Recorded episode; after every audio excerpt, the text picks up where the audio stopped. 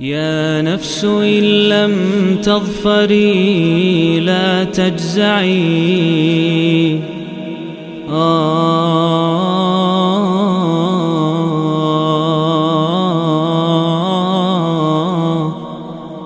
Bismillahirrahmanirrahim Alhamdulillah Wassalatu wassalamu ala rasulillahi Amma ba'du Ini adalah audio ke-60 dari pembahasan 114 hari menyambut bulan Ramadan Dan kita di surat Al-Mumtahanah Surat Al-Mumtahanah adalah surat Madaniyah Yang turun setelah surat Al-Ahzab Dan sebelum surat An-Nisa Surat ini terdiri dari 13 ayat Dan nama paling populernya adalah Al-Mumtahanah Dengan menfathahkan hak al-mumtahanah yang artinya wanita yang diuji. Dan ini yang paling masyhur, yang masyhur bagaimana ditegaskan Al-Hafidh Ibnu Hajar Al-Asqalani. Uh, artinya al-mumtahanah wanita yang diuji. Imtihan kan ujian ya. Wanita yang diuji al-mumtahanah. Surat ini disebut al-mumtahanah karena Allah Subhanahu wa taala berfirman di ayat 10, "Famtahinuhunna", maka ujilah mereka para wanita-wanita muhajirat tersebut, wanita-wanita yang berhijrah tersebut. Ujiannya apa? Ujiannya sebagaimana Allah Subhanahu wa taala sebutkan di ayat itu sendiri. Ya. Ya ayyuhalladzina amanu wahai orang beriman, idza ja'akumul mu'minatu muhajiratin famtahinuhun. Kalau datang pada kalian wanita-wanita yang berhijrah, maka ujilah mereka. Allahu a'lamu bi imanihin. Allah lebih tahu dan paling tahu iman mereka. Fa in alimtumuhunna mu'minatin fala tarji'uhunna ilal kuffar. Kalau kalian sudah mengetahui mereka ini beriman, maka jangan dikembalikan kepada orang kafir. Yakni misalnya contoh Ayat ini kan turun juga ada kasusnya ya, yaitu Ummu Kulthum binti Uqbah bin Abi Mu'aid ya radhiyallahu anha kita semua tahu bahwa suaminya bukan muslim beliau hijrah ke Madinah maka diuji keimanan benar nggak beriman. Dan dalam tafsir uh, al Imam Ibnu Katsir bawakan dan juga al, al Imam Ibnu Jarir At-Tabari bahwa Rasulullah SAW dan orang-orang mukminin juga tidak hanya Rasulullah orang-orang beriman juga menguji. Semisal mengatakan uh, Billahi ma kharajti min ba'di zaujin Demi Allah kalian atau engkau tidaklah berhijrah karena kabur minggat dari suami. Ini karena suaminya ada masalah dengan suami terus minggat billahi ma kharajti raqbatan an ardin ila ardin. Demi Allah kamu tidaklah hijrah karena ada masalah dengan kota kamu. Wabillahi ma kharajti iltimasad dunya. Demi Allah kamu tidaklah berhijrah mencari dunia. Billahi ma kharajti illa hubban lillahi wa rasuli. Demi Allah kamu tidak berhijrah melainkan karena cinta Allah dan Rasulnya. Jadi ditanya seperti Tanya seperti itu. Maka kalau dia ya ya. Ah, berarti kita sudah yakin dia.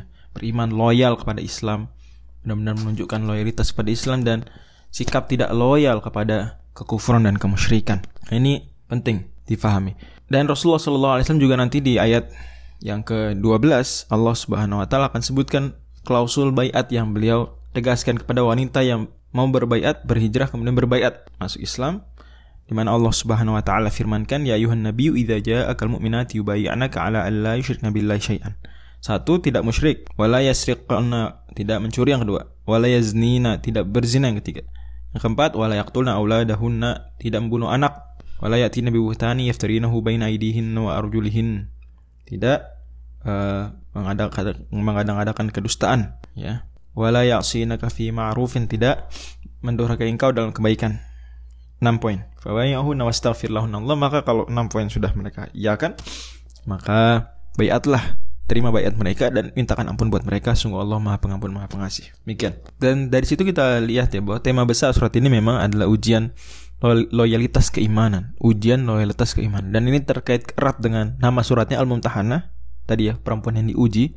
Jelas kaitannya sangat erat dengan ujian loyalitas keimanan dan dua ayat tadi saja sudah memberikan pesan pada kita bahwa loyalitas keimanan itu akan mendapatkan ujian ya lihat tadi contohnya ya kemudian juga Allah Subhanahu wa taala di sini di surat ini dari awal sampai akhir menegaskan tentang wajibnya kita memberikan loyalitas kepada keimanan orang-orang Islam. Sebaliknya tidak loyal ya anti loyalitas kepada musuh-musuh Islam musuh-musuh Allah ya orang-orang yang tidak beriman gitu.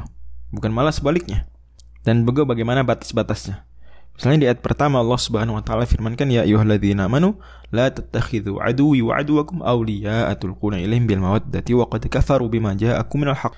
Wahai orang-orang beriman, jangan kalian jadikan musuh dan musuh kalian sebagai aulia, teman-teman dekat, para pemimpin yang kalian berikan kecintaan mawaddah kepada mereka sementara mereka telah kafir, telah ingkar kepada apa yang diturunkan kepada kalian dari kebenaran. Mereka telah mengusir Rasul, yukhrijuna Rasul wa iyyakum mengusir Rasul dan kalian. Hanya karena kalian beriman antuk minu billahi rabbikum. Kok kalian malah memberikan loyalitas kepada mereka? Mencintai mereka dalam konteks yang tidak diperkenankan? Hmm. Pertanyaan.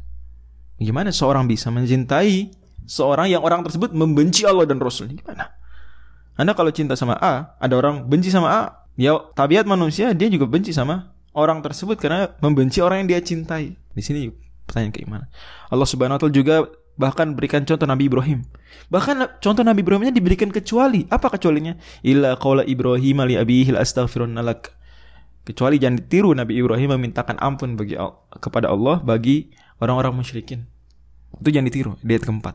Adapun selain itu, ketika mereka berlepas diri dari orang-orang musyrikin itu dijadikan teladan buat kita. Allah Subhanahu wa taala juga tegaskan bahwa di ayat ke-8 tidak loyal kepada orang-orang musyrikin non muslim bukan berarti kita zolim kepada mereka diskriminatif sama sekali tidak. Justru kita berbuat baik, berbuat adil kepada mereka, memberikan hak-hak mereka. Gitu. Kata Allah Subhanahu wa taala, "La yanhakumullahu 'anil ladzina lam yuqatilukum fid wa lam yukhrijukum min diyarikum an wa tuqsitu ilaihim." Dan kebanyakan non-muslim hari ini seperti ini, masuk ke ayat yang 8. Hanya dilarang kapan? Diberikan loyalitas, memberikan loyalitas pada mereka. Apalagi kalau mereka harbi, memerangi kaum muslimin. Innama yanhakumullah di ayat 9. Anil ladzina qatalukum fid Dan terus begitu. Dan di ayat terakhir ayat 13 Allah Subhanahu wa taala lagi-lagi tekankan ya ayyuhalladzina amanu la tatawallu qauman ghadiballahu alaihim. Janganlah kalian memberikan loyalitas kepada orang yang Allah telah murka atas mereka. Yang kalian jadikan mereka pemimpin yang jadikan mereka teman-teman dekat nah, seperti itu tapi berbuat baik iya bahkan kata Allah mudah-mudahan perbuatan baik tersebut menjadikan kalian akhirnya apa? Dekat. Akhirnya mereka masuk Islam. Dia tujuh Allah bilang asallahu ayyaj'al bainakum wa bainal ladzina adaitum minhum mawaddah. Wallahu qadir wallahu ghafurur rahim wallahu al